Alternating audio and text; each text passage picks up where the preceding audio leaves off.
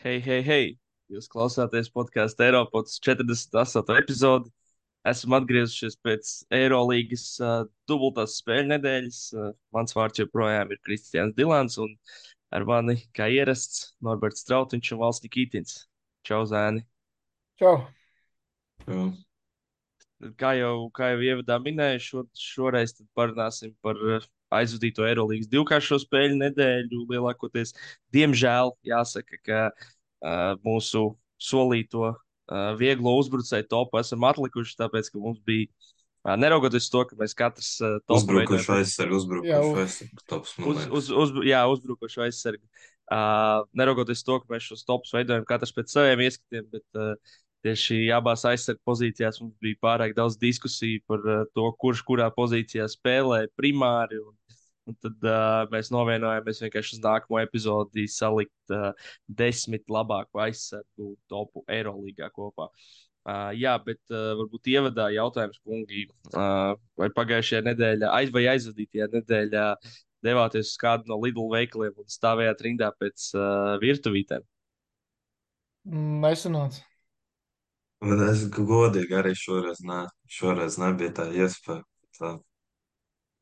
Bet, nu, prieks par cilvēkiem, kas dabūja, es nemaldos, bija nocinots ļoti. Viņas Es redzēju, ka. Jēlgavā bija ļoti slikta situācija.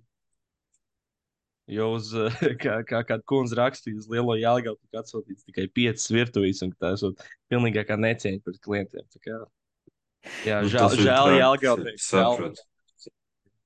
Jūtam līdzi algūniekiem, tiešām. Jā, bet uh, tad uh, ķeroties klāt varbūt pie, pie lietas, uh, piedāvāt sākt ar, ar otrdienas spēlēm, un tūlīt paskatīšos, kas mums tur otrdien bija tāds foršākais.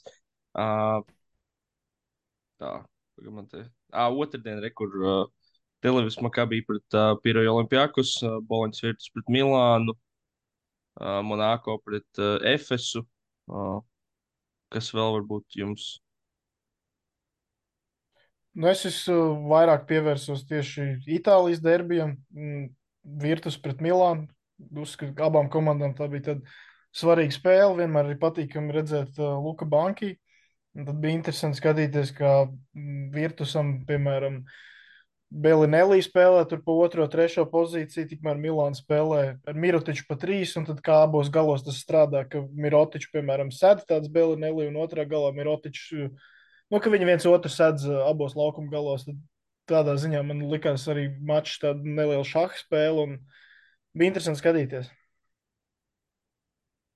Man īstenībā tā nesaistīt vēl ar, nesaistīt ar basketbolu. Manā Nikola Melē bija matus nedaudz noskūs. Un man personīgi, man personīgi viņš īsties pēc uh, nedaudz lielāka Luka Likāviča. Es, es nezinu, es to, es to pamanīju. paga, Es, es nevaru šo dabūt ārā no galvas pēc tam. Vai... bet vai tas bija tikai šonadēļ, vai tas nebija jau ātrāk? Nē, es, es varbūt nebiju skatījies pirms tam kaut kādas pēdējās nedēļas, bet es nezinu, man tagad vienkārši iekrist ļoti acīs. Tas tā kā es, es ieraudzīju tiešām Luks Likāvičs vienkārši acis priekš. Es, es, es laikam gribētu izcelt uh, vienu lietu šajā spēlē, un vispār tādā virtus rokrakstā, uh, kas arī, ja nemaldos, atspēlē, parādījās uh, vakardienas, uh, pirmdienas vakar spēlē uh, pret uh, Sasariem Itālijas čempionātā. Uh, Lūk, ir prātis iedot, uh, labi, mēs par to jau esam runājuši. Manuprāt, vienkārši vēlreiz jāatzīmē, ka Lūk, ir prātis iedot otro dzīvību, ja tā var teikt, uh, Ifam Lundbergam. Uh, šajā spēlē, piemēram, arī Vudu abas bija teicams, viņš tur pirmajā puslaikā samet trīņus un, un turēja virtus spēlē brīžos, kad uh, Milāna varēja šķietam aizskriet prom. Uh, Tokošs un Gēlī varbūt nebija tik spilgts, bet uh, viņš kaut kā prot šīs sezonas gaitā ieturēt to, to stabilitātes līniju. Un, un pat tad, kad, uh, kad viņš ir mazāk spilgts, viņam tā statistika ir tāpat uh, diezgan, diezgan pieklājīga. Uh, tāpat arī, piemēram, Luka sāk, tagad gan tas ir apstākļu spiesti, jo Jordans Mikijs ir ārā, bet uh, kaut kādas minūtes, pie kaut kādām minūtēm sāk tikt arī Devontais Keikoks, kurš ir uh, tieši šajā aizvadītajā nedēļā nospēlēja lielākās minūtes Eirolandā abās spēlēs, kādas viņam bijušas. Tā kā, jā, nu, laikam jāsaka tā, ka Luka Banki uzvarēja šajā šaha partijā. Nu, kas nav arī melots, tā vienkārši notika. Kā jau lielākajā daļā šaha partija. Vēl, ja atgriežos tieši pie Milānas virtuves spēles, es tagad tā sīkāk un vairāk papētīju, kā tā Milāna spēlē. Un, uh, man atgādina kaut kādu iepriekšēju gadu Barcelonu, un lielā mērā jau Mirotičs ir, bet uh, tas, ka fakts, ka vienkārši viņi ar Mirotiču spēlē pa trīs, nozīmē, ka visu laiku būs kaut kāda priekšrocība. Un tad viņi ļoti izteikti mēģina visu laiku, iet, nevis tā kā daudz pikantrols kaut kādas spēlēt, kā lielākā daļa komandu, ka basketbols ir aizsargu spēle tam līdzīgi, bet viņi vienkārši dod, dod, dod visu laiku postā kādam, jo kādam no šiem trīs gariem bilances spēlētājiem būs priekšrocība. Un tad no turienes visu laiku meklē situāciju ļoti, ļoti regulāri un uzkrītoši. Gluži kā Šaram eh, Jasikevičam patika pagājušajā gadā ļoti daudz no posta spēlēt tieši.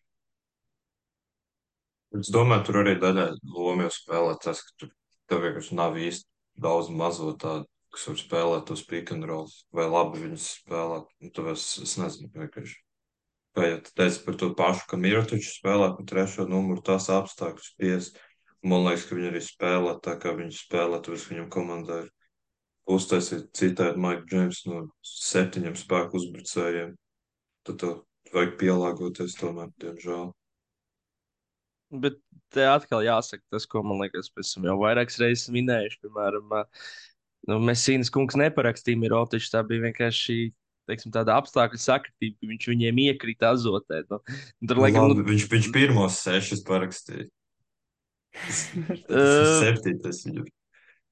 Nu, pa, kas viņiem pienāca klāt? Uh, Poitras pienāca klāt starpzonā, Kamagatē un kas vēl no gariem.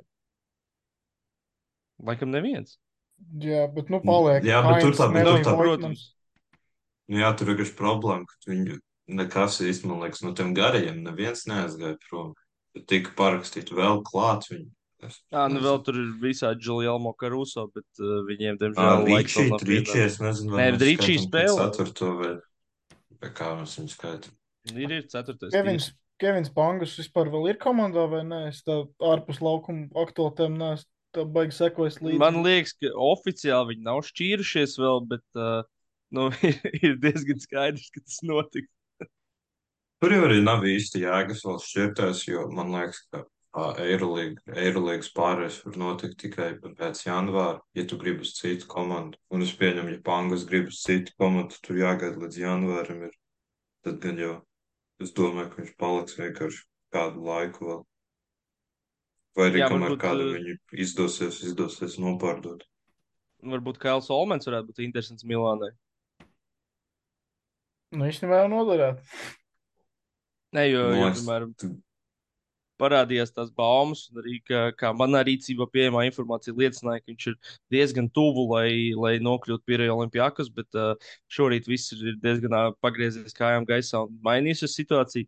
Uh, bet tīri varbūt es baigi novirzos no tēmas, bet reāli par Almenu. Jūs viņu redzat tajā Olimpijas uh, sistēmā?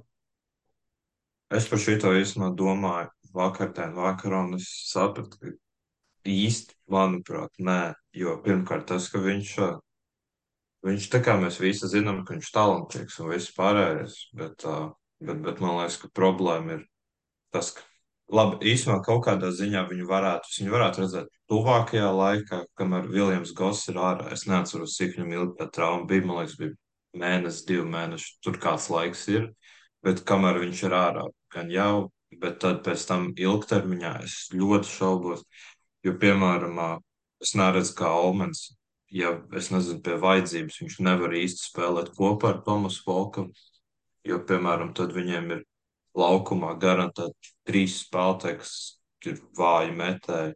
Un Mūsdienu Nu, viņš basketbolā nav vairs tik vājš metējis. Nomats Nu, nē, nu, kur s- dienu. Nu, nē, tāds, piecas jā, bet. Nu, nē, nu vienkārši, bet tā skatoties, viņi īsti nevar paļauties, ka viņš to viņus iemetīs regulāri. Un, nu, vienkārši, man liekas, mūsdienu basketbolā jau divi spēlētāji ir slikti, ka viņi ar vājiem metieniem, bet es to trīs tādu, tad es nezinu. Un man liekas, arī pie Barcokas individuālā meistarība bijis neko negarantē, ko mēs redzam Brazdēķa sakarā. Šo kā, man viņš nepatīk, bet, nu, būsim godīgi, viņš ir individuāli meistarīgs bet viņam tur nu, nav galīgi izdevies ienākt iekšā. Un, un Es nezinu. Man liekas, ka ja Kails, Kails Olmans būtu Olimpijākasā, tad viņš būtu tāds uh, ļo, nu, kaut kā ar ļoti līdzīgu lomu un to pienesumu, kā uh, Šaks Makisiks. Arī tā, ka apmēram varētu Lielās izlaist no su- spēlēs. Nu, nē, pat ne, ne lielās, mazās spēlēs, bet uh, tas, ka viņi izlaiž, un viņš tāds, tāds e, enerģijas, tāds, tāds būstiņš, kas vienkārši iet agresīvi drivo, dažās spēlēs tālāk iekrīt, dažās neiekrīt. Bet nu, tā, ka vienā dienā viņš to var pēkšņi 20 iemest, citā dienā viņš nospēlē 5 minūtes, neko neizdara, tad atkal 20, tad atkal neko nedara. Nu, tā, ka iznāk, izšauj, un kaut kad sanāk, kaut kad nesanāk. Nu, tā. Nu, tā cita starpā runājot, arī man uh, teica, ka šis ir viens no galvenajiem iemesliem, kāpēc viņš vispār uh, vēl nebija Eirolandā. Jo, kā zināms, tur bija vairāk klubu interesi par viņu pakalpojumiem. Un, un tad, uh, kā man kāds uh, pietuvināts cilvēks šiem procesiem teica, tad uh, Almena lielākā problēma ir tāda, ka uh, viņš teiksim, tā, nav izsalcis. Uh, Viņam ir vienalga, vai viņš iemet uh, divus punktus, uh, vai viņš iemet 20 punktus. Nekas. Es, es gan nezinu, kā tas ir būt uh, tik super slikti, bet laikam jau priekš Eirolandes amerikāņi tev, tev vajag kaut ko drusku no tā Maika Džeimsa un, un visu laiku kaut ko pierādīt. Jā, bet es domāju, zin kā, tie 2 vai 20 punkti, tā ir problēma, ja tas ir tavs komandas līderis, kas nu, var dažreiz iemest tā, dažreiz tā, bet, piemēram, Ja droši vien dažu, dažu fakā viņš ir viens no līderiem, un es tur baigi neesmu pētījis, cik kad viņš met, bet tā, piemēram, varētu būt problēma. Bet, ja tavs septītais, astotais spēlētājs it kā ir nestabils, jo viens spēlē iemet divus, otrā spēlē iemet 20 punktus, es teiktu, tas pat ir ok. Ja, es nezinu, ja komandas astotais spēlētājs, piemēram, tev dažreiz iemetīs 20, dažreiz neiemetīs 20, man liekas, ka tas ir gana labs tāds tā kā papildinājums un ko izmantot. Tā kā Nu, Makīs bet- tagad, viņš dažreiz uztaisīs spēles vienkārši ne no kurienes. Tā ir, jā. Bet uh, tagad jau viņš netika ņemts kā, kā tāds vadošais spēlētājs. tad- Jā, to man vienkārši teica, kā tādu, ka tajā, tajā pašā darba fakā viņš ir diezgan tāds vienaldzīgs pret, uh, pret tiem kopējiem, savi, pret kopējo savu statistiku un pret arī komandas sekmēm. Pēc, es domāju, ka, es, nu, labi, varbūt par komandas sekmēm iespējams nu, tā nav, bet uh, par savu statistiku iespējams, ka tā ir. Tad, e- es gan nezinu, ko tas tik ļoti maina. Nu, es varu redzēt, kā tas, uh, kā tas viņu padara, teiksim, neglītāku uh, komandu acīs, kas grib viņu parakstīt, bet no otras puses arī neredz to, kā varbūt tik liela problēma, ka tu- tu pat to vari pārvērst kā tādu plusu. kaut kad. Man gan drīzāk vairāk uh, problēma liekas galvenais treneris, jo, kā zināms, viņam arī mm, negluži nepatika, bet, uh, teiksim, viņu drusku izved no pacietības, kā es saprotu, tas, ka, ka Jānis Gēlīts viņu diezgan daudz uh, pušoja, tad viņš gribēja tādu, varbūt, drusku demokrātiskāku, vairāk tādu players coach, kurš ir draudzīgāks. Es nezinu, kā tas viss saliksies kopā ar Barcokas, jo es domāju, ka viņš ir vēl trakāks. Nu, varbūt, bet Nu. tagad tad, izstāsta, ka viņš nebūs Olimpijākusā. Ja? Mēs Nu, tagad tagad, jā, viņi ir vienkārši- izvēlējuši, izvēlējuši žāgi apzakt atkal, bet uh, laikam šoreiz tas zaudējums nebūs tik liels. Es domāju, Viņa jau- nākamais pēc tam dabūs Nācis Mitru Longu, pēc tam jāņem zaļās formas no viņiem ir tā, lai būtu pilns komplekts. Un, un es domāju, vēl kaut ko. Ir rūti iespējams. Bet, Nē, man, bet, uh, bet tas nozīmē tikai to, ka uh, pieņemsim, ka uz labu uz nākamo epizodu tas būs patiešām skaidrs. Un, uh, mēs tagad esam novirzījušies no tēmas, bet nekas, es domāju, ir, ir viss kārtībā. Uh, Nācis Mitru Longs nonāk Olimpijākas. Tas nozīmē to, ka Žalgirim atkal vajag uh, meklēt kādu aizstājēju, kādu jaunu papildinājumu. Un viņi brazdēķi vietā, viņi kaut ko parakstīs par. nā. Bet uh, es īsti, es tagad skatoties uz to, kā tas, uh, man liekas, ka Nācis Mitru Longu kopumā sezonas gaitā tās minūtes ir diezgan, uh, es, ne, es nezinu, kā lai pasaka, tā Viņš vienmēr kritušās. Nu jā, viņš vilš, viņš slikts vēl, viņam ir minūtes kritušās. Tagad izstāsta, ka viņi principā Viņi parakstīja viņu, bet beigās tāpat spēlē Lukas Lukāvičs, kas ir diezgan interesanti. Un, un nē, nu kaut ko jau noteikti viņiem vajag, jo, jo, jo vienkārši man liekas pārāk maz viņiem ir tur tādi, kas veido, un tiem, kas ir es līdz galam neusticos, izņemot Evans, tiem maziem spēlētājiem. Un, un kaut ko jau tur vajag, bet viņi izstāsta, ka Es pat nezinu, man izsaka, ka viņi nav pārāk. Es negribu teikt, ka viņi nav aktīvi tirgu, bet ka viņi vienkārši. Es pat nezinu, kā pateikt. Viņi tā kā nav pārāk anxious, lai kaut ko parakstītu. Tagad tāds Trauksmaiņa. vismaz iespējas. Trauksmeni, jā. nu, Tā Es, vismaz man tāds iespējas rodas. es to redzu viņiem kā, kā win-win situāciju. Uh, nu, būsim godīgi. Visticamāk, ka arī bez Nāza Mitro Longa, redzot, kā viņš spēlē un kādu pienesumu viņš dod komandai, tā pašreizējā žēlgības bilants nebūtu mainījusies. Protams, tas ir, ir viss, kā būtu, ja būtu, bet nu, man liekas, ka viņš, viņš nav ietekmējis uh, tās uzvarošās spēles tik ļoti, un arī tajās zaudētajās spēlēs viņš nav neko tik eh, katastrofāli noziedzis, lai, lai tā rezultātā tur būtu kaut kādas izmaiņas. Tā, tas viņa pienesums ir diezgan minimāls. Un es to skatos tā, ka, piemēram, tu atkal vienkārši ņem un riskē. Pauļus Jankūns ņems un riskēs uz kaut kādu NBA treniņu nometnes neizturējušo vai kādu galīgu džeku, kurš ir, ir brīvais aģents. Un uh, nu, tev ir iespēja dabūt ļoti labu atdevi, ja, ja viņam viss aiziet. Nu, nu, baigi sliktāk jau visticamāk nevar būt. Un, un piemēram, tādā Lietuvas čempionātā gan jau viņš tāpat vienmēr derēs un, un būs ok. Jā, nu, ja vien tas nav E- Emanuels Mudijs. Es tieši gribēju teikt, ka viņš jāizvēl kaut Kurš kādā tagad Saragosā izskatās, ka būs. Nu, jā. Interesanti. Aizēju tēlā, varbūt jāvēl kārā vēlreiz. Viņš pagājušajā viņš gadā ir? Pēc principā. spēlē? čempiem taču noderēt. Viņš, man liekas, uz Āziju neaizbrauc. Es varu pat jaut, man vienkārši galvā sēž viņa sakarā Āziju.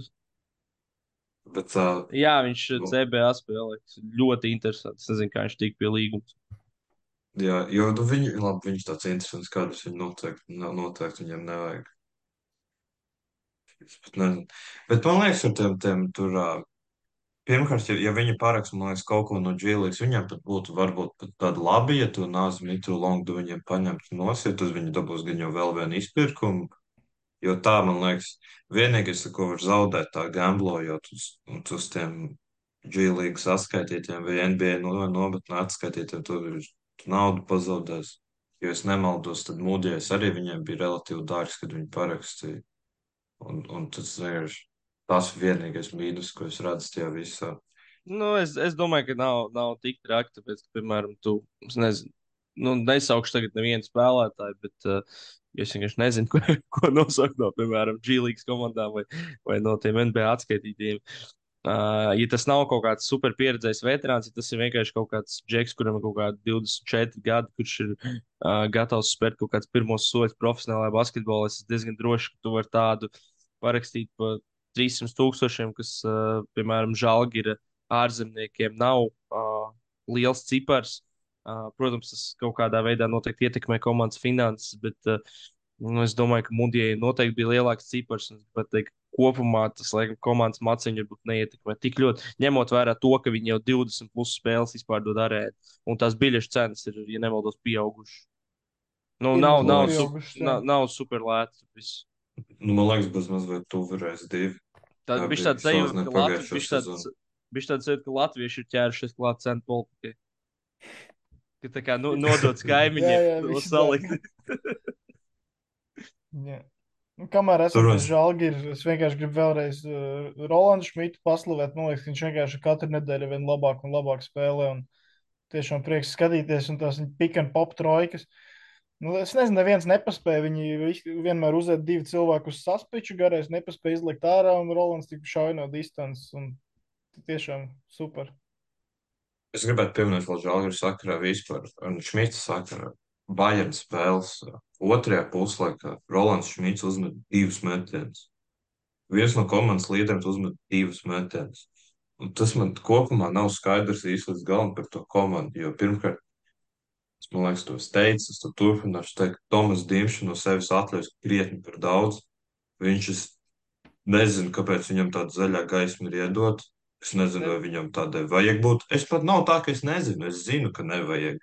Un tas man, viņš tas man vienkārši rada stresā.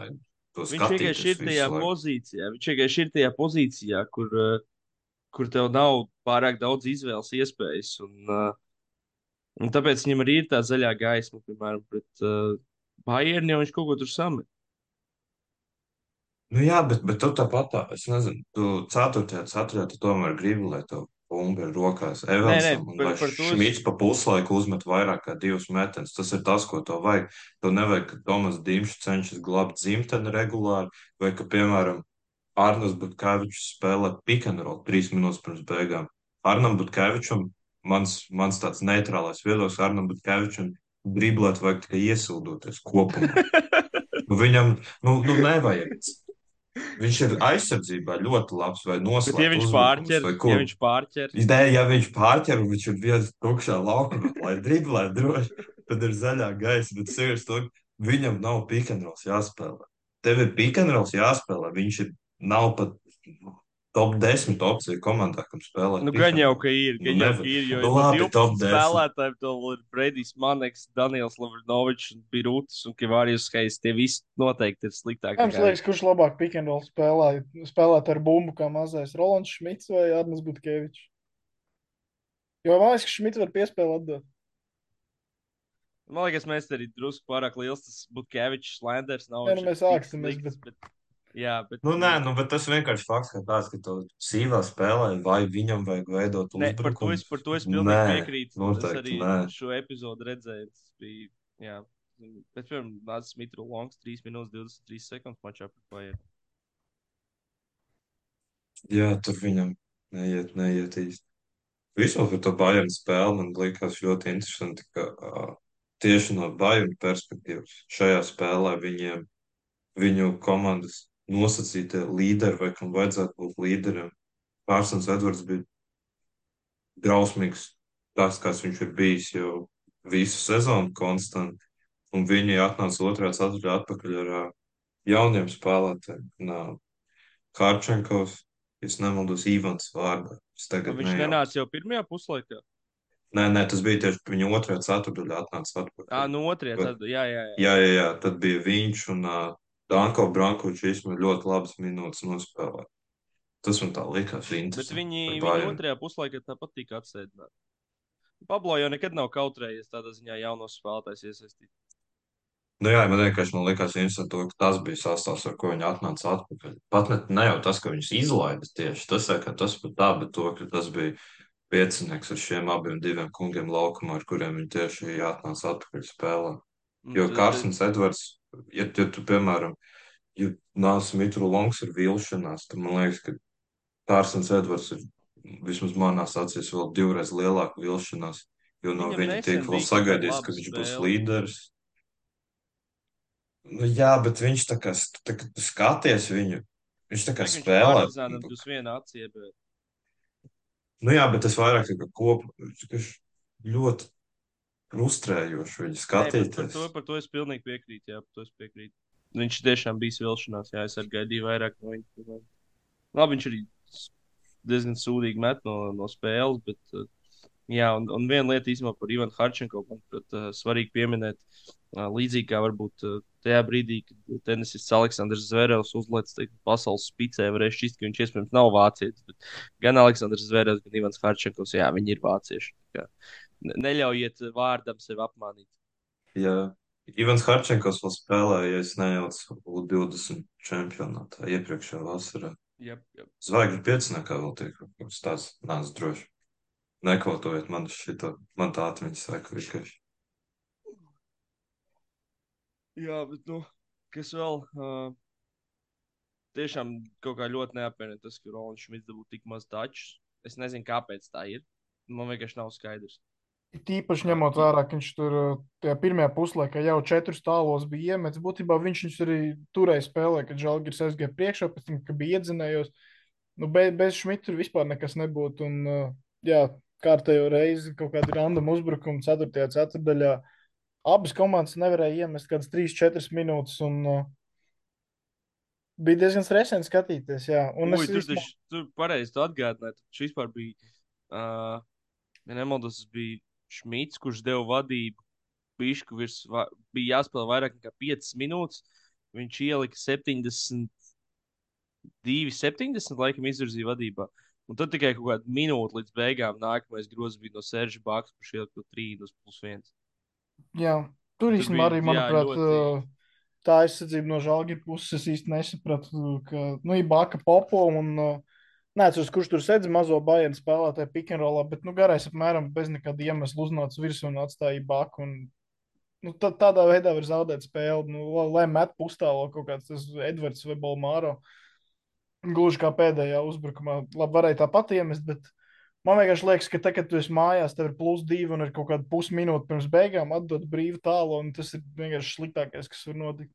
Jo pat ja iemet uh, divnieku, ir neizšķirts, un tu būtībā vai nu pagarinājums, vai nu iemetīsi game winner, dabūt mīnus viens, tādā situācijā arī jāmāk. Un, uh, nu, labi, ka um, Kīnans Evans iemet to izšķirošo, jo tur kaut kādā pret Panatinaikus, piemēram, viņš ir pazaudējis bumbu. Uh, ka Vārijas Heiss arī uh, sieru pirkstiņiem nevar noķert nekad. Tur bija ceļgals, tur bija ceļgals. Nu, tur bija ceļgals, bet kaut kad pirms tam minūtes pirms beigām, kad Dimš gāja cauri, īstenībā labi viņam nomet, viņš tur arī uzreiz nenoķēra. Viņš tāds ļoti riskants cilvēks, laikam, kam dot piespēli. Un, uh, nu, tad prieks, ka šo galotni Žalgis uzvarēja, jo pirms tam tās iepriekšējās vairākas nebija sagājušas. Bet par Kavārijas Heiss tie, tie viņa siera vai sviesta pirkstiņi, kā viņi skaitās? Es nezinu, kas ir pierakstījis. Abus, abus dzirdējis, laikam. Uh, viņam tas diezgan raksturīgi. Viņš arī pagājušajā sezonā šo regulāri izpildījās. Un, uh, kaut kā jā, viņam varbūt tā saucamais grip strength ir, ir, ir tāds uh, diezgan slikts. Bet, uh, ja Rolim nebija taču otrajā puslaikā pret Bayern, tad tāda viņam bija pirmajā spēlē pret Pantnaikus, kurai jau nedaudz pieskāries. Tur, uh, tur tā galotne no viņa puses bija tāda. Uh, divējādi, es teikšu. Uh, viņš gan atnes punktus, gan arī, diemžēl, uh, enerģiskais lasors viņu paņēma uz, uz piekto piezīmu. Tad, uh, tur jau žēlgirim, ja nemaldos, tajā brīdī jau viss bija slikti. Tajā spēlē pret Panatu, starp citu, Šmitam bija. Viņš visus savus tos punktus vēl kaut kādā 4. samet. 13, laikam, jā. Tur 3 tālāk, 4. tam līdzīgi. Un, kas man interesanti tur likās, tā kā bija starp citu, um, Kazas Maksvītis uzzīmēja teicamu sadarbību, kā manekam dabūt trīnieku pie mīnus trīs, kad 20 sekundes pirms beigām.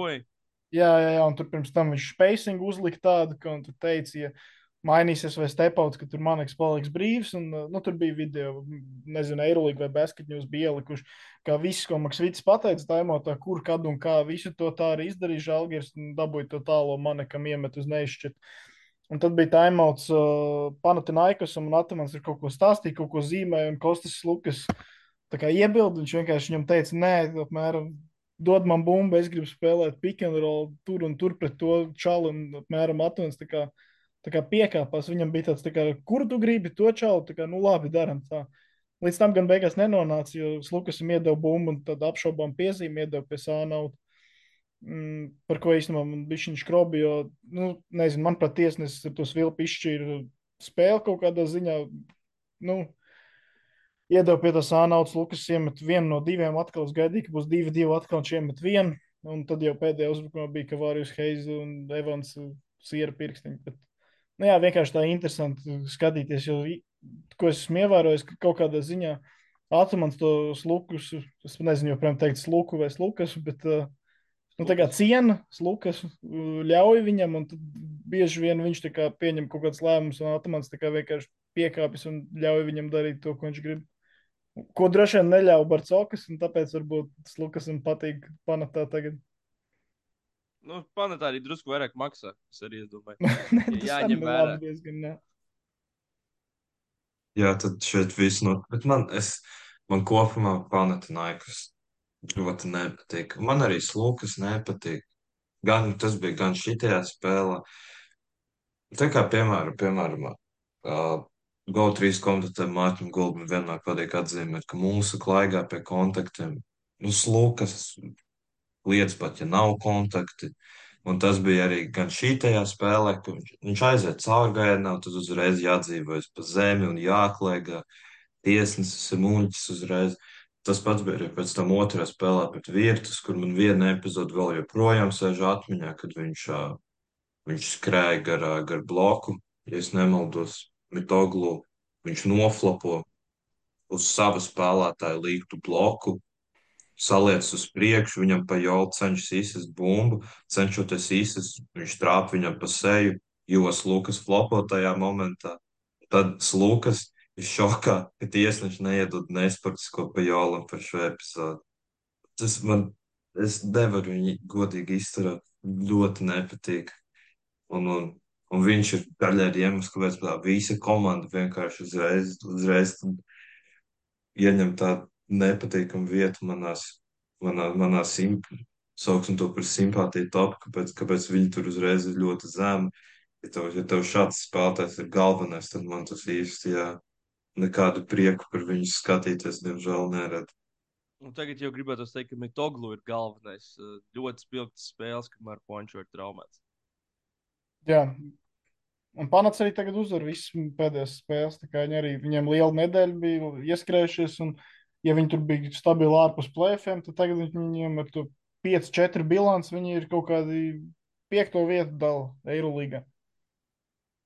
Bet arī jāatzīmē, ka tās abas, abas spēles tomēr mājās ir, kas arī man liekas svarīgi. Un tie double game ir diezgan svarīga lieta, ko atzīmēt. Tomēr divas spēles mājās vieglāk uzvarēt nekā, jā, to- jūs to- jebkur citu.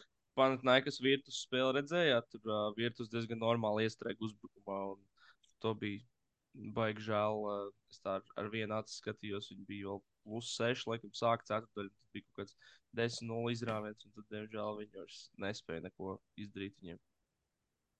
Jā. tajā spēlē man liekas, ka uh, Vildoza īstenībā diezgan labi pavilka Panatinaikas kaut kādos brīžos, kad, ja es nemaldos, bija vienā momentā virs, jā, bija kaut kāds plus 6, plus 7.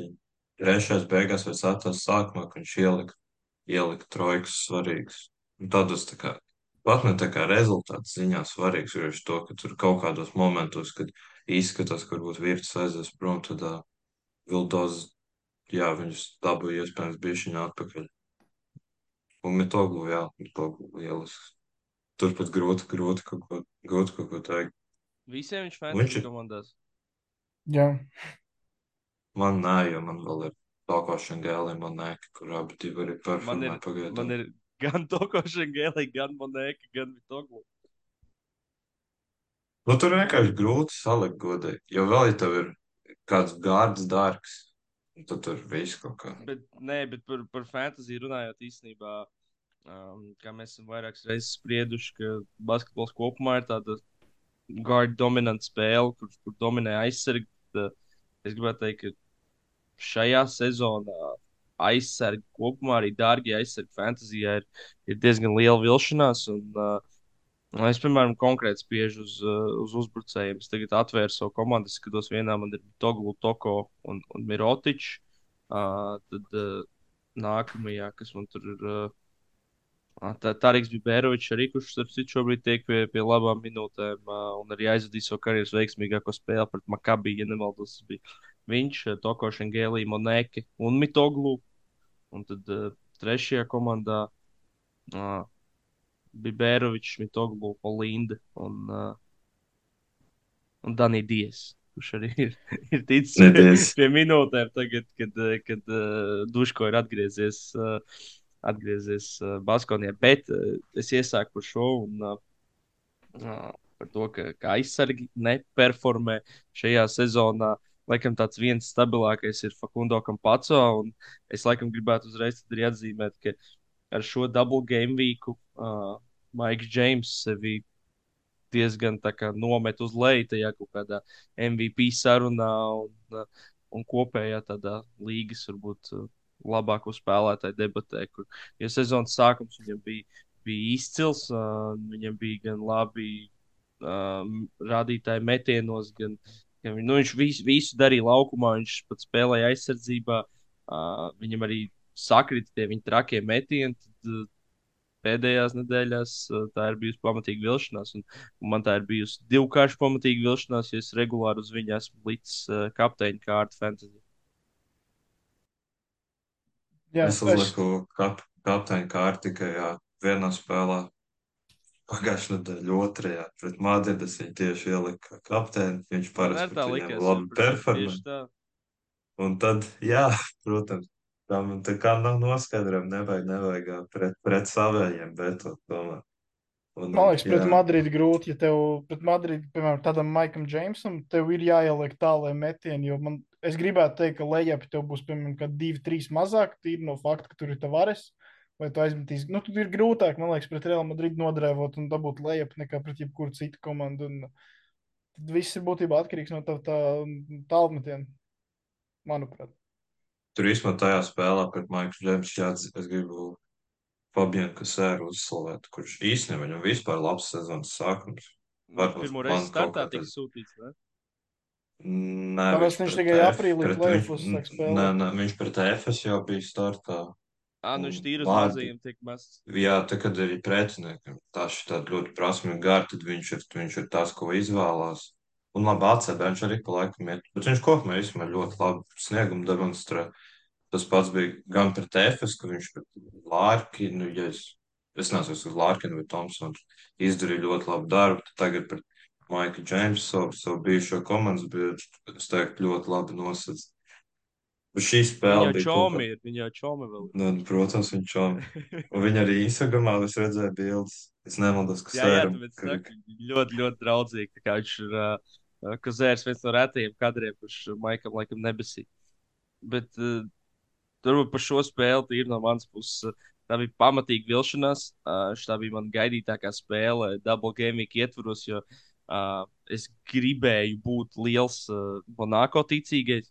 Uh, un, diemžēl arī šeit tas re, gala rezultāts vispār neatspoguļo to spēles gaitu. Liekas, ka varētu nu, tā tīri apskatīties 18 punktu starpā, gan jau, ka tur Madrida aizskrēja 3. un 4. ceturtajā. Būsim godīgi, te jau pēc 5 minūtēm bez mazliet viss bija beidzies, un tur pusi no spēles bija starpība 40 punktu, un Monako vienkārši principā atvilka. Tas viss bija 4. ceturtajā. Viņi uzvarēja 18, ņemot vērā Madridu, man liekas, 4. ceturtajā pirmos 5 minūtes izties, ka viņi tā kā grib vienkārši tā kā gaida, gaida galas viltu, un tur tie ir tā kā. Ja iemetīs, iemetīs, neiemetīs, neiemetīs. Tas ir pilnīgi tā kā tā ļoti vienaldzīga attieksme. Tu dari, nu, tiešām var, 5 minūtes sausā palika. Var arī saprast, ja tu trešo ceturdaļu pabeidz ar apaļiem 80 pret 50, tad, nu, nav tā, ka es nezinu, es mazāk motivēts justos pie 80, 50 nekā pie 50, 50 teikšu godīgi. Nē, nē es, pie, es piekrītu, tas vairāk tie ir tā, tā kā rezultāti un ko Kristians teica, ka tie neatspoguļo īsti 18 reālo spēli. Bet kā tur ir NBA, tur pie lielām sagrāvējām fani dabūt tako, ja? Nu, te arī varēja tā kā saviem Madrids faniem nodrošināt kaut kādas tapas vai kaut ko, kaut kāds simtnieki iemest. Nu tā, nu, kaut kāds svētkus uztaisīt. Jo, mēs nezinām, kā jums man tiešām bija nedēļas gaidītākā spēle. Un, Uh, es, es gribēju redzēt tādas divas, uz, divas uzbrukuma powerhouse uh, darbībā, un, diemžēl, es redzēju tikai vienu, un arī trīs ceturdaļas, kā mēs tikko noskaidrojām. Un, uh, jā, un, vispār, piemēram, paturpinot vēl par reālu, un uzreiz arī pievilkt klāt Monako. Uh, nedēļas nogalē Madrids reāli piedzīvoja pirmo zaudējumu izlaiž 21 punktu pārsvaru Vizinga centrā pret Unikāhu. Un tad uh, vakar, vakarā vai pat šorīt no rīta es redzēju Twitterī uh, Ibonu Navarro plānu. Uh, bija iztulkots uh, viens, no, viens no uzdevumiem, kā jau principā vienmēr pret Madrids Reāli bija izvilkt ārā garos spēlētājs. Tad man ir jautājums, pāris jautājums Sašam Bradovičam. Uh, ja nemaldos, starta pieciniekā gāja Džons Browns pa 4 un uh, Donāts Motejons pa 5. Uh, Motīvs sākumā kaut ko tur iemet, bet uh, nu, Tavares, neraugoties to, ka viņš iemet pirmo trīnu, uh, viņš tāpatās viņu nerespektēja un, un, un atstāja pilnībā brīvu. Uh, te uz bankas ir uh, Pīters Kornelī, uh, bijušais Madrids Reāla basketbols, kurš ir pārliecinoši labākais metējs uh, garajā galā. Uh, Viņš nospēlēja tikai 12 minūtes. Pirmkārt, kāpēc neiesaistīt viņu vairāk? Viņš ienāk iekšā, viņš iemet trīņus, viņš ieliek dāngu, viņš atgriež kaut kādu enerģiju komandai. Viņš ir gana kustīgs. Jā, kaut kā tā kopumā. Arī tas pats Džons Browns, necis uzticamākais metiens, paši zinat, kāda viņam tā mehānika ir. Nezinu, noriskēja pa četru uzspēlē ar kādu, es nezinu, to pašu Blossom game vai, nezinu, dialogu, kurš varbūt arī tur līdz galam nedara. Vai, es nezinu, ka to teriju tārpī iemet, bet pameklēju kaut kāds variants, kā viņus izvilkt ārā un kā varbūt labi. Nebija arī tā, ka viņi baigi labi met no distances, bet uh, nu, es biju drusku vīlies redzēt to, ka Saša Brādovičs šeit piegāja tā tādai parastai spēlē, kur, kur Eiropas labākais centrs uh, nerespektē Donāta motīvu, kas ir, protams, loģiski. Man liekas, arī tas, kā tās Kornelija minūtes, kas viņam bija, tagad, ja un tagad nevar, viņas īstenībā bija arī ceturtā numura pozīcijā bija diezgan daudz. Jābu Sēlu, viņš pret Jābu Sēlu tur bija, jā, bet, nu, Nu jā, jo pret tā, ka lielam pret Jābu Sēlu tas nav.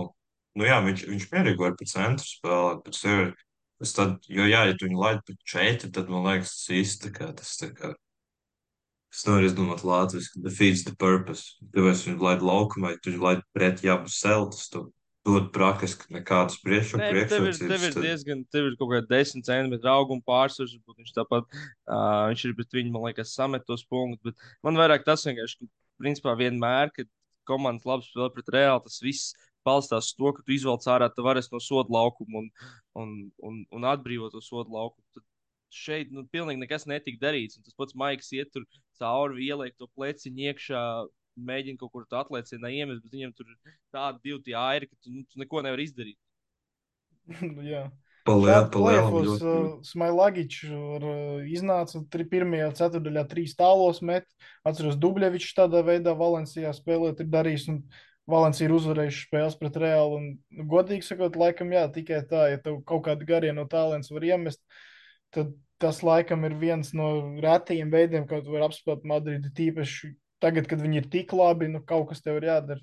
Nu, un tagad uh, nedēļas nogalē, Svētdien, laikam, bija tā spēle. Tur uh, Deivids Kravišs, piemēram, noārdījās arī garais un kafiju. Un viņš uh, parūpējās par metieniem no distances. Un, es saku, ja, ja tas ir tavs vienīgais stabilais garais, kurš met, nu, un ko, ko, ko tu zaudētu šādā mačā, viņu laižot ārā? Nu, pieņemsim, ka viņš ir klients aizsardzībā. Nu, nu, Tu tāpat mīnus 40 zaudēji, principā, pusi spēles. Nu, ko, ko tas maina? Es, es nesaprotu. Es piekrītu. Principā, es tā, tā īstenībā tā domāju, tas divi, divas kopumā atslēgas, lai, lai uzvarētu to Madridu. Labi, tas viss izklausīsies, protams, vienkārši, bet dzīvē, reālā dzīvē, protams, viss nav tik vienkārši. ne, nu, Kā nekas teica, iz... pierādīja. Viss Nē, nu, nu jā, bet, bet tā kā tas, tas galvenās lietas ir pirmkārt, jā, tu vajag izvilkt ārā tvaras no soda lauka, dabūt viņu ārā jebkādiem līdzekļiem, nu, tur viens.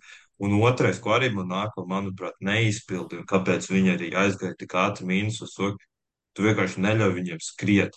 Tu dari, ko darīdams, bet tu tā kā neļauj, tu neļauj viņiem skriet ātrijos uzbrukumos, ko viņi neizdarīja. Jo tur visi, man liekas, savās punktus ātrijos dabūja gan mūsa, gan deiks, gan kas sēž. Principā visi, kas gribēja, tie visi aizskrēja.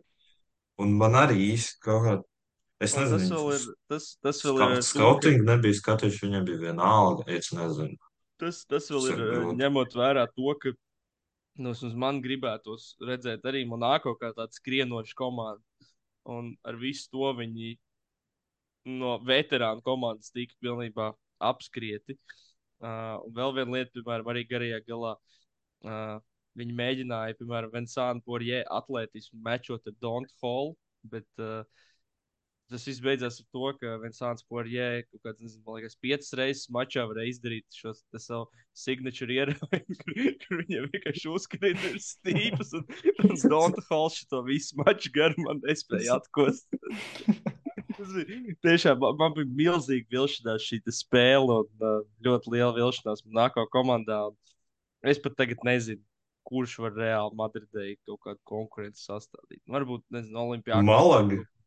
Nē, nu, Malaga Malaga, tur gan es svētdien redzēju, ka būs tā spēle. Man bija tāds aizdoms, ka Malaga, viņi, viņiem tā komplektācija tāda, ka viņi ir tādi ļoti skrienoši, tā kā es gribētu redzēt Monako spēlējumu. Un tad man bija, es ne, nezina, nezināju, nebija droši, ka viņi toču vinnēs. Un, un tad, kad bija arī tie 20 punktu starpā, nu, likās jau, ka viss beidzies. Bet uh, tīri pēc sajūtām, Malaga tiešām tāda nērta komanda uh, reāli. Jā, Man liekas, arī ka- runājot par nērtām komandām, reāli bija arī tā nedēļas pirmā spēle pret, ā, pret Valenciju. Reāli. Un uh, Valencija man pēc sajūtām ir, ja es nemaldos, mēs pagājušajā sezonā to runājām par Baskoniju. Uh, tieši tādā ziņā, ka Bija viņiem iemesls. ir, jā, nu jā, nu šeit arī šī spēle bija principā, viņi varēja zaudēt mierīgi. Un tas galvenais to, ka Valencija, tāpat kā Baskonija pagājušajā gadā, viņi ir, manuprāt, vienīgie, kas ir spējīgi mečot tos ķermeņus, jo tie ķermeņi, kāda arī Valencija ir, tev ir Semi Oģelē vai, jā, vai Demians Inglis, kur fiziskā ziņā noteikti neiepaliek no tiem, kas ir Madridā. Un plus, jā, plus vēl pie tā visa stāsta pieliet, pieliet gan Brendonu Deivijs, kas bija ļoti labs, gan arī Krīs Džons vienkārši tur liekas komentārus neprast. Un, un Valencija bija tiešām grūti. Un tu īsumā, ja tu pasties tās Madrides spēles, kas viņus var vai nevar apturēt, tad tā, tu pasties tīri rezultāts, vienīgais, vienīgais komandas, par ko viņiem ir problēmas, ir tikai Spāņi. Jo Eirolīgā viņiem bija trīs sīvās spēles, kuras visas bija Baskonija, Valencija, Barcelona. Visas pārējās bija kruīzā pilnīgā. Un tad ACB līga arī ir problēmas. Bija gan tagad, kur zaudēja Nikahe, gan Bilbao, bija Tenerife, bija principā Spāņi sagādā vislielākās problēmas. Un, Bet, bet tev, labi, tā ACB, nu tā ACB jāieliek kontekstā tāpat, ja tev, piemēram, tā Malaks, tad tur trešā spēle nedēļā, tā uz papīra skatoties, nav svarīgāk, nesvarīgākā no tām trīs, viņa vēl ir pēdējā. Kaut kādā ziņā tev noteikti tā koncentrācija zūd. Bet labi, tas īsti neataisno to, ka tu izsēji 21 punktu pārsvaru. To man liekas, tur, tur vienkārši nekādā situācijā tā nevar notikt.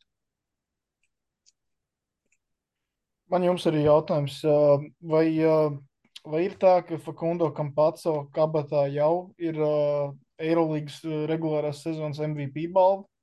jā, Maiks pats izstājās no šīs diskusijas šajā nedēļā. Viņš pateica, I'm out. Viņš nepiedalās vairs. Jo man vēl Toko Šangēlī liekas labs, bet es, nu, tā kā reāls spēlē un to, cik maz zaudējumu viņiem būs šo sezonu, ja vispār kāds būs Eirolīgā, tad, uh, un Virtus, nu, es nedomāju, ka viņi tur, piemēram, kādā otrajā vietā būs, lai varētu kaut kādu argumentu izvirzīt. Un, nu, es Es- teiktu, ka diezgan stabili izstāst Kampaco. Es vēl maiku gribēju likt uh, drusku augstāk arī tā iemesla, nekā, piemēram, Toko, tā iemesla dēļ, ka nu, man kaut kā viss cieņa Lukam Bankai, bet es domāju, ka nu, kaut kāds neliels kritums būs, un es gribu cerēt, ka, uh, ka Virtus saglabās vietu izslēgšanas spēles taisno, bet man tā, tā ticība lielāka ir Monako, ka viņi varētu būt augstāk sezonas griezumā, lai arī tagad viņiem ir sliktāka bilants. Nu, viņas papīri ir labāki un lielāks talants ir šobrīd Virtus mazliet priekšā, bet nu, tā visticamāk jau Monako ir tāda. Uz papīra viņi ir stiprāka komanda, vai tas tā būs?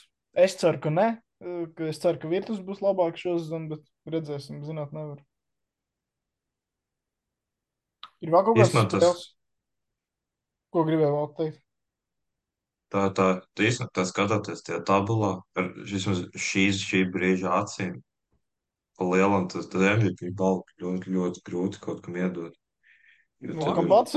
Jā, Nē, nu nav, nav viņš vai sarežģīti. Es nezinu, vēl Barcelonā var būt veseliem, vai es pat nezinu. Tas arī būtu Mm, nedaudz strečs. kaut kādā ziņā strečs, jā. Un tad, jā, ja Virtus, tad Doko, Makabī, manuprāt, nevienam, vismaz pēc tā, ko es līdz šim esmu redzējis. Un, un, nu jā, tur diezgan grūti īstenībā skatoties tabulā. Nu, var varbūt- iedot.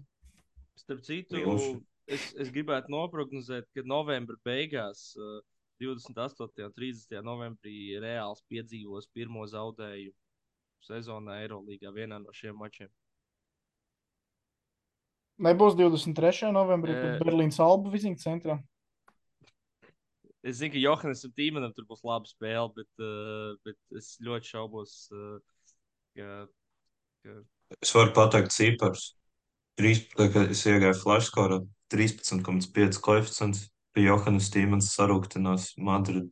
Un, ja es nemaldos tagad no pagājušās sezonas, viņi nekad nav zaudējuši Albai. Tā bilants bija kaut kāda 14-0, un kaut kāds tāds cipars aptuveni. Tāpēc, jā, Bet, necās. Starp citu, runājot par Berlīnas albus, uh, vakar klausījos uh, ļoti interesantu raidierakstu. Uh, Andrēs Siliņš, arī basketbola eksperts, uh, viesis, kurš bijis pie mums, viņš izveidojis tādu uh, raidījumu mūsēji ārzemēs. Uh, viņš sarunājas ar, ar latviešu leģionāriem. Kā aicinu arī to paklausīties. Uh, Pirmajā epizodē bija Kārlis Šiliņš. Un, uh, viņš stāstīja par Berlīnas albu, ka, ka viņi spēlē uh, nereālā ātrumā, salīdzinot, piemēram, ar, ar vienkārši kaut kādu Vācijas Bundeslīgas komandu. Uh, bet viņš pat teica, ka viņi varbūt nebija nemaz tik fiziski Un tad es nezinu, man kaut kā tas Johannes Stīvens šķiet uh, tiešām ļoti, ļoti fizisks. Varbūt viņam nesanāca pret viņu tik daudz mačoties. Varbūt uh, Kristus Maģis arī nebija ieradies. Man vismaz liekas, ka, jā, ka Johannes Stīvens tāds izteikti fizisks ir. Varbūt viņš tā, es nezinu, varbūt viņš, piemēram, pret viņu, tu pret viņu cīnies postā, un varbūt viņš tā mīksti cīnās. No malas tikai izskatās, ka tas ir tā spēcīgi. Es nezinu. Man liekas, ka varbūt Vārds. viņš ir stiprs, bet viņš nav tāds tā kā, ļoti, ļoti rupšs vai ļoti, ļoti agresīvs. Nu, Jā, tāds- jā, jā, jā, Vai nav arī drīzāk tāds tā, milzis, jā. Nav tāds balvins vai šaks vai nu, tāda tipa ķermenis. Man patīk, ka tu balvini un šāki ielika vienā Un balvin kategorijā. kā pirmo, jā. Jā. Nu, bet uh, es redzu līdzības, ja godīgi. Nu, jā, abi lieli. Kaut ko pastumdās. Balvins, viņš tā kā reizi spēlē ieslēdz to, ka viņš, viņš tā kā kaut ko ņemās, ņemās, prasa tiesnešiem kaut ko, met kaut kādas piespēles ārā, un tad vienreiz spēlē viņš izdomā, ka ok, tagad es viņu iespiedīšu, uztaisīšu spīnu, bišķi viņu iestīšu viņam ar elkonu un iespraudīšu, un tad viņš katru spēli vienu reizi uztais šaka gājienu un pārējo spēli kaut ko ņemās tur uz vietas. Tas tāds mans novērojums. Un es īstenībā gribētu pēdējo tēzi par Madridu pateikt vēl, kas īstenībā arī svarīgi bija šonadēļ. Garšanas jeb sēles satraumējās, pārplēs, vai ne, vai, ne, vai pārplēs, uz kāds ceļa saites satraumēja. Tur vēl nav skaidrs, cik- cik ilgi viņš būs ārā. Ja? Nu, cik es redzēju, Vīteri ir viens kungs, es, ko Kārlis Sančes Blas, man liekas, un tas, ko spāņu žurnālists, tas, ko viņš taisa, tie divi mēneši, plus mīnus, ka šogad, tā kā, šogad var viņu negaidīt atpakaļ laukumā, bet es par to, es par to domāju diezgan daudz, un man liekas, ka tas pagaidām pie pašreizējās situācijas, tā, tā kā, tā nav problēma, kur nevar risināt. Tas ir tev vienkārši Tēkam ar Hezonju būs lielāks minūtes 4. numura pozīcijā. Mūsu iespējams vairāk pārslīdās par 3. Bet, bet kur es redzu potenciāli problēmas šajā visā stāstā, ir tad, ja šo divu, divu mēnešu laikā vēl vai nu Deks vai Hezonju kādu spēli nespēlē. Tad gan var būt ļoti grūti. Bet tev ir tagad- tik dziļš un talantīgs sastāvs. Mums ir grūti priekš taviem standartiem. Nu, nē, nu, pro, pro, protams, jā, es nezinu, ja Albai būtu tāds problēmas, būtu- Tikai skaties, Es mēs varam, mēs varam noņemt, mēs varam noņemt, piemēram, Mēs varam visu startu piecinieku noņemt. Viņi tāpat Pas, finālā Viņa nebija, finālā nebija Jabusēlu Deks. Eirolīgas finālā nebija Jabusēlu Deks. mūsu arī maz spēlē. jo cita pieeja bija veterāna pieeja. Cik grūti pieeja, Rūdijam ar. Jūļu ir kaut kā atnākt un nomazgāt visus Rūdīs Rūd, būsim godīgi, Rūdīs ar Juļu spēlē principā Un čāčo. tikai aprīlī. Viņi spēlē tikai aprīlī. Juļs, ok, Juļs vēl ik pa laikam plus mīnus trīs reizes pusgadā viņš izšauja. Šī pret Monako bija viena no tām spēlēm, starp citu. Bet kopumā viņš steigtā, nu, reizi mēnesī viņš principā nospēlē labu maču, un tad viņš pa lielam parādās tikai aprīlī. Tā Nē, bet, bet, bet, ja viņiem ir jāspēlē, ja, piemēram, na, kaut kāda iemesla dēļ nav tie visi jaunākie un talantīgākie partneri pieejami, nu, nu es tā kā baigi, ja es esmu Madrids reāli fans, es baigi nebēdājos par to, jo es zinu, ka tie džeki arī var nospēlēt, un mēs to esam jau simts un vienu reizi minējuši, nu, viņi ir piedzimuši kā uzvarētāji. Un, nu, es, es, es neredzu baigo problēmu. Ja, ja viņiem ir, piemēram, jāspēlē double game weeks, Un, un nedēļas nogalē tev vēl ir, piemēram, Spānijas čempionāts pret, uh, pret nezinu, teiksim, Malēkas Unikāhu, nevis, piemēram, Palensiju vai, vai kādu citu no apakšgala komandām. Tad es varbūt drusku redzu problēmu, jo, jo viņi nav varbūt paši jaunākie. Šobrīd es nezinu. Nu, tikpat labi arī Man nepiepildīties mana prognoze, un, un viņi var nezaudēt oktobra, novembra beigās ne Makabī, ne Fenerē. Jo to es redzēju kā tādus. Tās divas komandas varbūt vēl tomēr arī augšgalu un, un var iekost. Bet, uh, tur arī ir, ir ko likt pretī kā pozīcijām. Tīri. Pēc tam vēl nākamajā nedēļā ir uh, Planētas Olimpijākas, abi divi viesos. Es pat teiktu, ka tā ir nedēļa, kurā mēs drīzāk varam sagaidīt reālu zaudējumu nekā tā, ko tu, Kristiāna, teici par uh, Makabi un Feneru nedēļu. Es pat īstenībā teiktu, ja Makabī Fener nedēļa arī kaut kādā ziņā ir iespējas, jo Mak tā pret spēli pret Makabi tā ir pārceltā spēle. Tas nav double game week. Tas nozīmē, ka Feneram būs tikai viena Eirolandes spēle tajā Jā. nedēļā. Un, un tas, tas tev dod, protams, kaut kādu priekšrocību. Bet nu, tur grūti pateikt. Un es to, ka es pirms tam par tām traumām teicu, ja es grūts, varbūt nedaudz jā, pārspīlē. Es vienkārši, ka tas sezonas sākumā pieredze pie tāda ātrvilciena laukuma, tad nedaudz grūtākā varbūt galvā pieredze, ka varbūt var arī zaudēt. Tā Bet, negribas. bet, bet ja viņi izvelk šitos uh, divus double game weekus uh, bez zaudējumiem, nu, nosacīt, pirmais nav oficiāls double game week, bet viņiem ir, uh, un pēc tam viņi uzvar arī Grieķijā, tad uh, viņi iet uz uh, 34-0 sezonu. Nē, kaut kādā mirklī jau apstāsies tas skaidrs, bet, bet viņi varētu pagarināt šo mierīgi līdz Grieķijai, manuprāt. Un pēc Grieķijas. Tu, Nu, nē, tu zini, ka es, es esmu Olimpijākus fans un Nu, tur jau arī pīrējās, jāskatās. nu, beidz. beidz. Bet Olimpijākas jau jāskatās, kas viņiem būs atpakaļ. Uh, kas būs ierindā, ja viņi tur pusklibi joprojām viss būs. Tad, uh, es domāju, tāpat Madrids reāli būs galvenais favorīts spēlē. Nē, nu, Madrids, man liekas, viņi jebkurā spēlē un jebkurā zālē būs favorīti šo sezonu. Man tā liekas. Nezinu, vi- Piekrist, ka viņi būs favorīti, bet, teiks, bet bet tas būtu loģiski, manuprāt. Pret, pret Barcelonu iespējams kaut kādā brīdī tīrā klasika. Jo tur jau klasiko ietvaros vienmēr parasti tie bookmakeri vienkārši ieliek kā favorītu to, kurš ir mainīgs. Un, un tas, uh, uh, tie odi ir plus mīnus tādi. Viņi, teiks, viņi spēlē neitrālu laukumā, viņi vienkārši izlīdzinās. Un katrs savu klasiko tāpat tās 50-50, lai gan pēdējās spēlēs tā. Nu, es, es teiktu, ka šo sezonu vairs nav. Lai gan arī pagājušā sezonā, arī pusfinālos nekad tas tā nav. Es nezinu. Nu, bija, ka es paņēmu Spānijas čempionu titulu. Nu, labi, tas gan. Es vienkārši pēc Eirolandes sezonas apmēram. Es nezinu, man ACB ir kā NBA in-season tournament. Nē, nu es saprotu, tas ir svarīgi, bet man mazāk interesi ir. Un, nu, es tāpat skatos, bet uh, pati, pati galvenā kārtas man ir Eirolandes, un pēc tās es arī kaut kādā ziņā džudžoju, kurš ir uh, galvenais boss Spānijā. Bet, uh, starp citu, tikko es pats pieminēju El Clasico, uh, es atceros vēl vienu kādu Madrides reāli rindās, kur patīk rīklis griezt, kurš, kurš arī El Clasico ietvaros tieši griez rīklis. Un, un, uh, nu, viņam arī vēl pulvers ir savs, es domāju, un kādā spēlē viņam arī var tā teikt aiziet ciet. Un, un, nu, kā tas, tas talants, kas ir Madridē, ir vienkārši neizmērojams. Ja, nu, tāds, ja, ja Fabianam Kazēram tiešām vienā spēlē viņam. Uh, aiziet pāris metienu, nu, viņš, viņš to var atnest uzvaru. Tā kā vi, viņam ir tā, tā spēja to izdarīt. viņam ir tas suns viņā, tā teikt. Jā, tieši Jā. Tā. Un tagad, ja, ja es tagad skatos kalendāru, potenciāli, ja viņi tiek pāri tam Olimpijākas Panathinaikos double game week, tas būs, es domāju, smagākais. Tā kā, ja atnāks zaudējums, tad viņš atnāks vai nu pret Fenerbahču, vai nu šitajās divās spēlēs. Viņiem ir pietiekami reāli tikt līdz 17.0 pirmajā aplī, jo tad pēc tam paliek pāri tikai pret Bayern mājās, Zvezda Nu, viesos.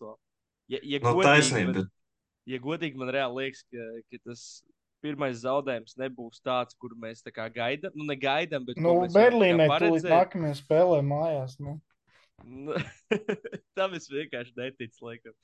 Uh, tad tiešām kaut kāds Pablo Laso vai Svaropulis varētu kaut ko tur. Nu, piemēram, Belgradā tā, tas ir izbraukums, ja tā noteikti nebūs viegli spēle. Jā, jā, bet es esmu tādā ziņā, ka ir, ir, Bel, ir double gaming, cit, kur ir divas spēles par Belgradas komandām, bet kas ir ļoti svarīgs punkts pret Partizānu spēli ar Madridā, nevis Belgradā.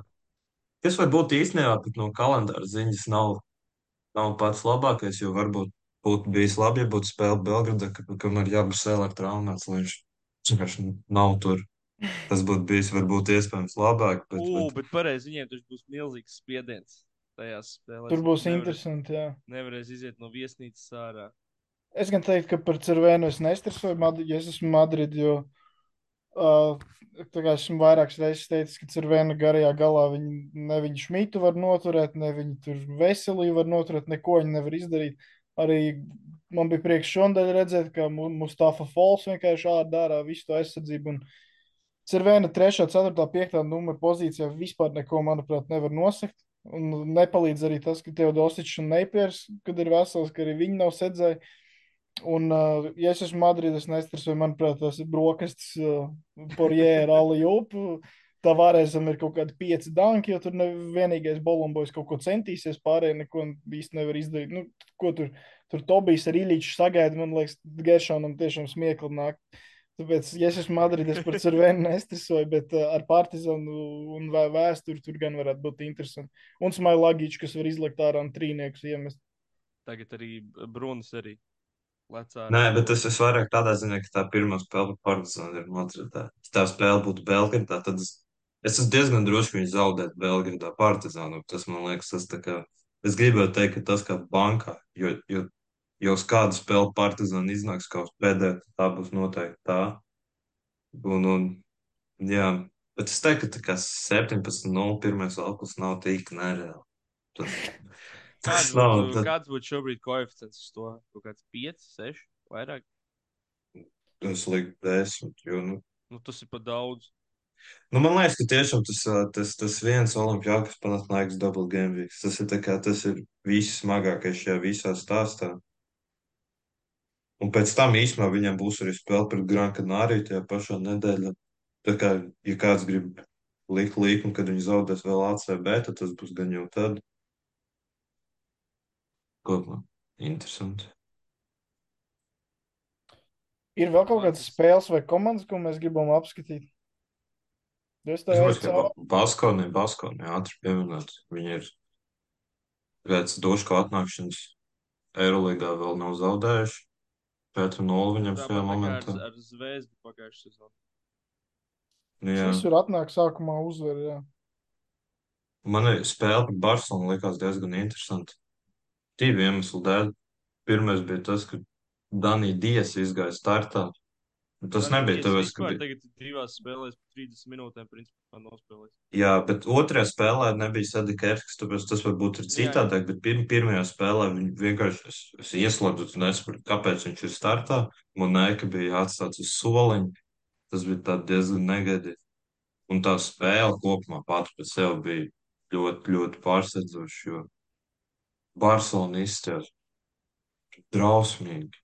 Tīpaši viņu otrais piecinieks, visi viņu jaunpiesaistīties, jaun, pies, tikko piesaistīties spēlētāji, visi katastrofāli.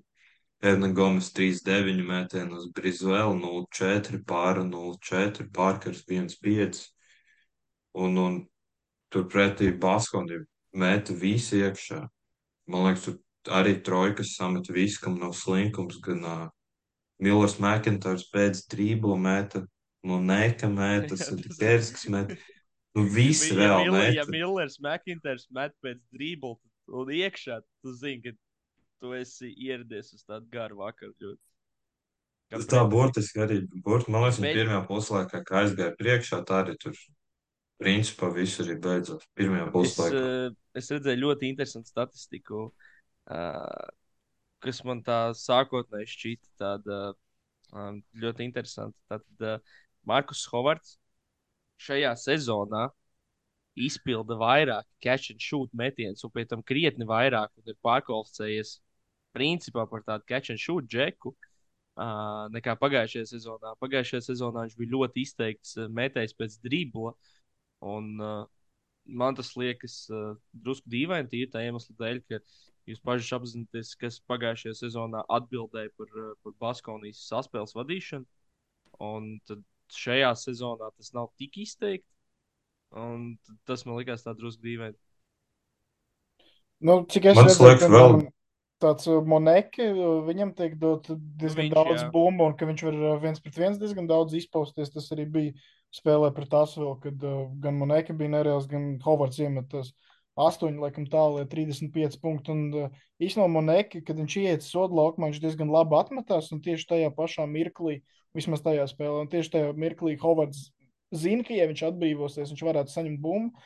Un viņš tādā veidā vairāk tā kā catch and shoot trojkas dabū, ka viņš tieši sāk sprintot, tad, kad monēta sāk drāvot, piemēram, vai kāds cits. Un tad dabū kaut kāds tas catch and shoot labi. Uh, es citu pieskāries, jo tā asfalta spēlē.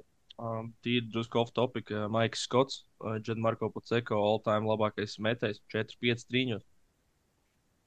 Jā, Es, es, es starp citu, vakar, vakarā izgāju cauri. Ja godīgi, nav nemaz tik daudz komandu, kuras pat sekoja trenēs. Varbūt tāpēc Vai viņš es asistents? Viņš bija kā asistents. Bija. Es, es, labi, es skatījos Wikipēdijā, tad varbūt tas nav pats ticamākais. Viņš bija asistents uh, Milānā pirms diviem gadiem. Un tā viņš bija galvenais sasaros, uh, Fortitudo un kaut kur. darīt. Jā, un, un es, iz, labi, es izgāju cauri, tā, tā super daudz neiedziļinājos. Labi, es tāpat domāju, ka Maiks kaut kā labākais metējs, ko tu redzēsi, ir nereāls stiepiens, būsim godīgi. Bet, bet tā kā tur godīgi nebija nemaz tik daudz tādu, kas man tā kā iekrist acīs. Tas Man joprojām- ir tajā putekļa stilā, ka, ka viņš tev iedod to milzīgo pārliecību. Uh, es domāju, tīri, tīri no, no tāda aspekta tas bija. Nu, Jā. kas strādā? Un to, ko tu pirms tam teici par, uh, par Markus Hortu, ka viņš vairāk met catch and shoot, man tas īstenībā liekas nedaudz interesanti, jo, ja ņem vērā, ka vēl papildus, viņš, manuprāt, vismaz pēc sajūtām kļuvis vēl neefektīvāks nekā viņš bija pirms tam. Tīri tādā tā kā procentu ziņā. Ok, tā kā šī tā pret ASO var būt izņēmums, viņš samet 8, 13, ja es tagad nejauks. Bet kopumā, ja viņš, ja viņš kūko, tad viņš kūko, tur neko nevar īsti izdarīt. Bet tā, tā pa lielam, tad, tad vēl joprojām viņš vispār nav uzticams īsti. Un, un tur diezgan grūti skatīties brīžiem. Tā, tu pateiksi, šo sezonu, nu, tīri, ef, nu, viņš ir efektivitātes ziņā labāks nekā pagājušajā sezonā. Un tāpēc viņš mācās Procentu vai vienkārši vairāk. Um, tā, tu pateikšu. Uh. Jā, Nu, man tagad šobrīd tā pēdējā Man šobrīd spēle. pateicu, Eirolandā tik labi mājaslapa, man šobrīd galvā jārēķina procents. Um, nu, viņam ir šosezon sliktāks 3% nekā pagājušajā sezonā, uh, bet viņam ir augstāka efektivitāte. Bet tas ir tāpēc, ka Nu, Nu, nezinu, efe- labi, varbūt, kad efekt- rebound efekt- vairāk ņem vai kaut ko tādu. Labi, Bet, piemēram, par to pašu ir, efektivitāti, ja mēs paskatāmies, šajā asfalta spēlē viņam ir 35 punktus, un viņam, ja nemaldos, bija 25 efektivitāte. Tas man liekas, īstenībā arī diezgan tā interesanti, ka tev efektivitāte vēl par 10 aptuveni mazāk nekā tev punktu samest. Bet, tāpēc ka viņš jau, viņš jau neko citu tev īsti nepiedāvā kā scoring. Nu, viņam arī tīri tie pārējie statistikas rādītāji ir diezgan tukši. Nu, bumbas loģiski viņš nevāc. Piespēlētājs viņš arī nav nekāds izcilais. Viņš tur, piemēram, citreiz, kad viņš nodraivo, tad viņam vienkārši nav kur likties. Tad viņš tev izmet ārā. Uh, piemēram, ja tev var iedot kaut kādu ekstra piespēli, vai viņam ir pusbrīvs metiens, loģiski, kāda ir ekstra piespēle, labāk, labāk viņš metīs. Un uh, nu, kaut kāds man liekas, viņš nevar būt izteikts bumbu pārtvērējs. Tāpēc, nu, nu, viņš varbūt, jā, es nezinu, viņš tiešām vienkārši tīrs skorers. Svarīgi tādā ziņā, ja tu met tā kā ar puslīdz zolītu procentu, ko viņš, gan, ko viņš arī nedara. Bet tā kā, ja tu mēs tur puslīdz zolītu procentu, es vienkārši tā kā uzskatu, ka basketbols spēlē, ja tu spēlē, teiksim, 25, 30 minūtes, nu tu kaut vai netīšām dabū četrus rebounds, piemēram, kas tev vienkārši iekrīt rokās. Arī kaut kādas piespēles, daudz spēlē ar bumbu, tu vienkārši kaut kā jau tu savāc, vai, vai es nezinu, izprovocē piezīmes. Beig, beigās, Re, tu- man liekas, apskatījos. kaut kā to vajadzētu savākt tos ciprus. Pirmajās trīs uh, kārtās spēlēja virs 20 minūtēm vidēji mačā un iemet 19 punktus ar field goal 7-29. Un arī pieļāva 7 kļūdas. Bet tā deva 13 piespēles. Un pēc tam uh, viņam drusku, īstenībā, jā, tiklīdz viņam aiziet, tā, tā tendence ir tāda, ka tiklīdz viņam kaut cik aiziet metiens, uh, viņam pazūd piespēles. Viņš tā kā nespēja šo vispār sabalansēt. Vai, vai nu viņš iekšā, vai nu viņš liek iekšā, vai viņš kaut ko piespēlē. Mētāji met, tā teikt, tur nav, nav daudz ko domāt. Jā, jā nu viņš ļoti interesants kadrs.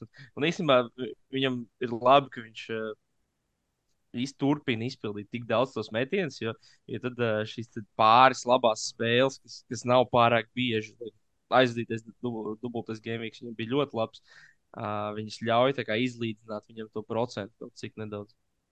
Ja, piemēram, nu, 43,6% divpunktniekos un 33,3% trīņos, nu, tie nav super rādītāji, bet uh, es tagad, kad esmu atgriezies NBA fantasy un tur papētu, ko citi NBA maz, mazie dara, ar kādiem procentiem viņi met, tad uh, man rodas daudz jautājumu.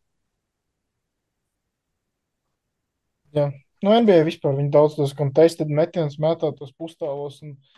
Ne, nu nav tā, ka Hovards visu brīdi. Nu, jā, jā, un Hovards arī tādā NBA manierē. Viņš daudz sarežģītus metienus izvēlas, un tad man liekas, ka tas ir tikai loģiski. Man pat patika, ka es redzēju Instagramā, ka tam Rukijam čets, kā, kā izrunā viņu uzvārdu Holmgrens. Jā, jā, jā.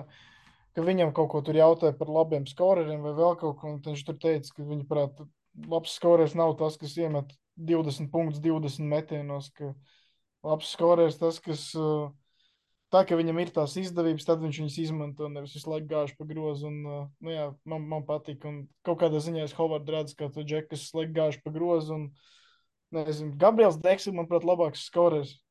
Tā kā viņam iedod, viņš izmanto, tā kā viņam nav nekas jādara, viņš neko nedara. Un, nu, tādā ziņā. Protams, meistarīgāks ir Hovards, bet kurš reāli labāk prot gūt punktus, biežāk un efektīvāk to dara, tas ir cits jautājums. Ne... Piekrītat, ka Gabriels Deiks ir labāks skorers? Protams, es piekrītu, kas ir jautājums. nu, labi, bet eh, kādam objektīvam cilvēkam, Kristiānam, tu piekrīti vai ne? Tu arī pajautāji. Nu, es jau ne, nejautāju neko par virtus. Tu vari būt objektīvs atšķirībā no valda Real Madrid jautājumu. Es izvairīšos. Un Ir, ir viņš labāks, tas vispār nav jautājums, manuprāt, tur nav ko diskutēt. Nu, labi. Un Pat ja Marks Hors četreiz viņus piemānīja gājuši citu. Tas cits jautājums. À, nu, tajās Jā. spēlēs viņš bija superskorers. To, to gan es atceros, ka viņš Jūļu vienkārši vazāja un tik meta visu pēc kārtas iekšā. Nē, bet šis ir tāds interesants jautājums, ja, piemēram, nu, nu scoring potenciāls noteikti augstāks ar Hovardu. Potenciāls, nu, bez, bez jā. variantiem. Nu, viņa, arī Dekam nav varbūt tas tāds uh, pateicīgākais metiens, tā mehānika. Viņam tāda interesanta, viņš tāds drusku tāds tā kā. Uh, gribētu teikt, viņš drusku lodziņā grūdai atgādāt savu metienu. Lai, es zinu, ka tas netiek Cerams, ka valsts no- neapvainās. No, nu, nē, nu, viņam tā, viss tās Nu, ir, viņš Viņam būs ir. Nu, ir interesants. Ir. Arī lēns īstenībā, kas Jā, jā. viņam traucē. Man lielākam pārsteidz skorerim. trajektorija. Viņš bez trajektorijas met. Nu, viņš Es nezinu, iecentrē. kā viņš dabū Viņš grozā. iecentrē. Nu, galvenais, ka, galvenais, ka iecentrē grozā, tas jau Nē, svarīgi. bet uh, Madrids, Madrids reāli tiešām ir tā komanda, kurā var centrēt grozu virzienā. jo tur ir viens uh, tornis, kurš, kurš ir gatavs. Uh, labi, viņš ir galvu nenospēlējis, viņš ir nospēlējis sodu laukumā ar roku. Uh, bet uh, nevārs iesaistīsies. Jā, jā. Bet uh, atgriežoties, jā, nu, Hovardam noteikti scoring potenciāls ir lielāks. Viņam vajag, uh, nezinu, viņam pat kvadrātmetru nevajag, lai dabūtu savu metienu. Un ar visu to viņa, teiksim, varbūt basketbolam necelu augumu. Viņš uh, arī pret garākiem pretspēlētājiem spēj sev izkārtot metienu. Un, un tur vienkārši viss ir jautājums, jautājums tāds, uh, kāds Hovards ir, ir šodien ieradies. Ja, viņam tie metieni iet iekšā, tad es domāju, tur diezgan bez variantiem viņš ir labāks skorers. Viņš noteikti nav daudzpusīgāks, un par to es domāju, tur pat vispār nav diskusija. Bet, uh, tīri kā, kā vienkārši punktu guvējs. Nu. Bet tāpēc arī viņš ir, piemēram, Baskonijā, nevis Madrids reāli. Jo man liekas, piemēram, Madrids reāli parakst tādus uzticamākus spēlētājus. Nav tā, ka Dekam ir, ir zems tas scoring potenciāls un cik viņš var samest, bet uh, viņš arī tev var kādā naktī atnest uh, 30 punktus Eirolandā. Bet uh, es domāju, viņš sezonas griezumā ir, ir krietni stabilāks un plus mīnus sagaidīs vienu un to pašu no viņa katrā spēlē. Tur, protams, atkarīgs no situācijām, kādā viņam tur, tur vairāk aizies un ko, ko viņš vairāk sametīs, būs pateicīgāk matchup un, tādas lietas, un, un viņš būs rezultātīvāks. Bet uh, viņš ieturēs to savu līniju. Bet uh, Markus Hovards, viņš, uh, viņš ir tas džeks, kurš, piemēram, var pret uh, sliktāko komandu uzmest 0-10. Uh, viņš ir pret sliktāko komandu uzmest 7-10 trīņos, un, un viņš to pašu var izdarīt arī pret labāko komandu. Tāpēc uh, tāds, uh, Nu, teiksim, eh, ja tavs komandas ģenerālmenedžers tas ļoti azartisks cilvēks, kuriem iespējams patīk azartspēles, tad es diezgan labi redzu, kā viņš var izvēlēties Markus Hovardu, ja tas ir lielāks gambles. Jā, piekrīt noteikti. Nu, ko? Viss likam. Tā sanāk, ja tops mums izpaliek, tad vienkārši uz nākamo reizi nākamo, uz nākamo. tad kārtīgi to lielais tops būs. uztaisīsim.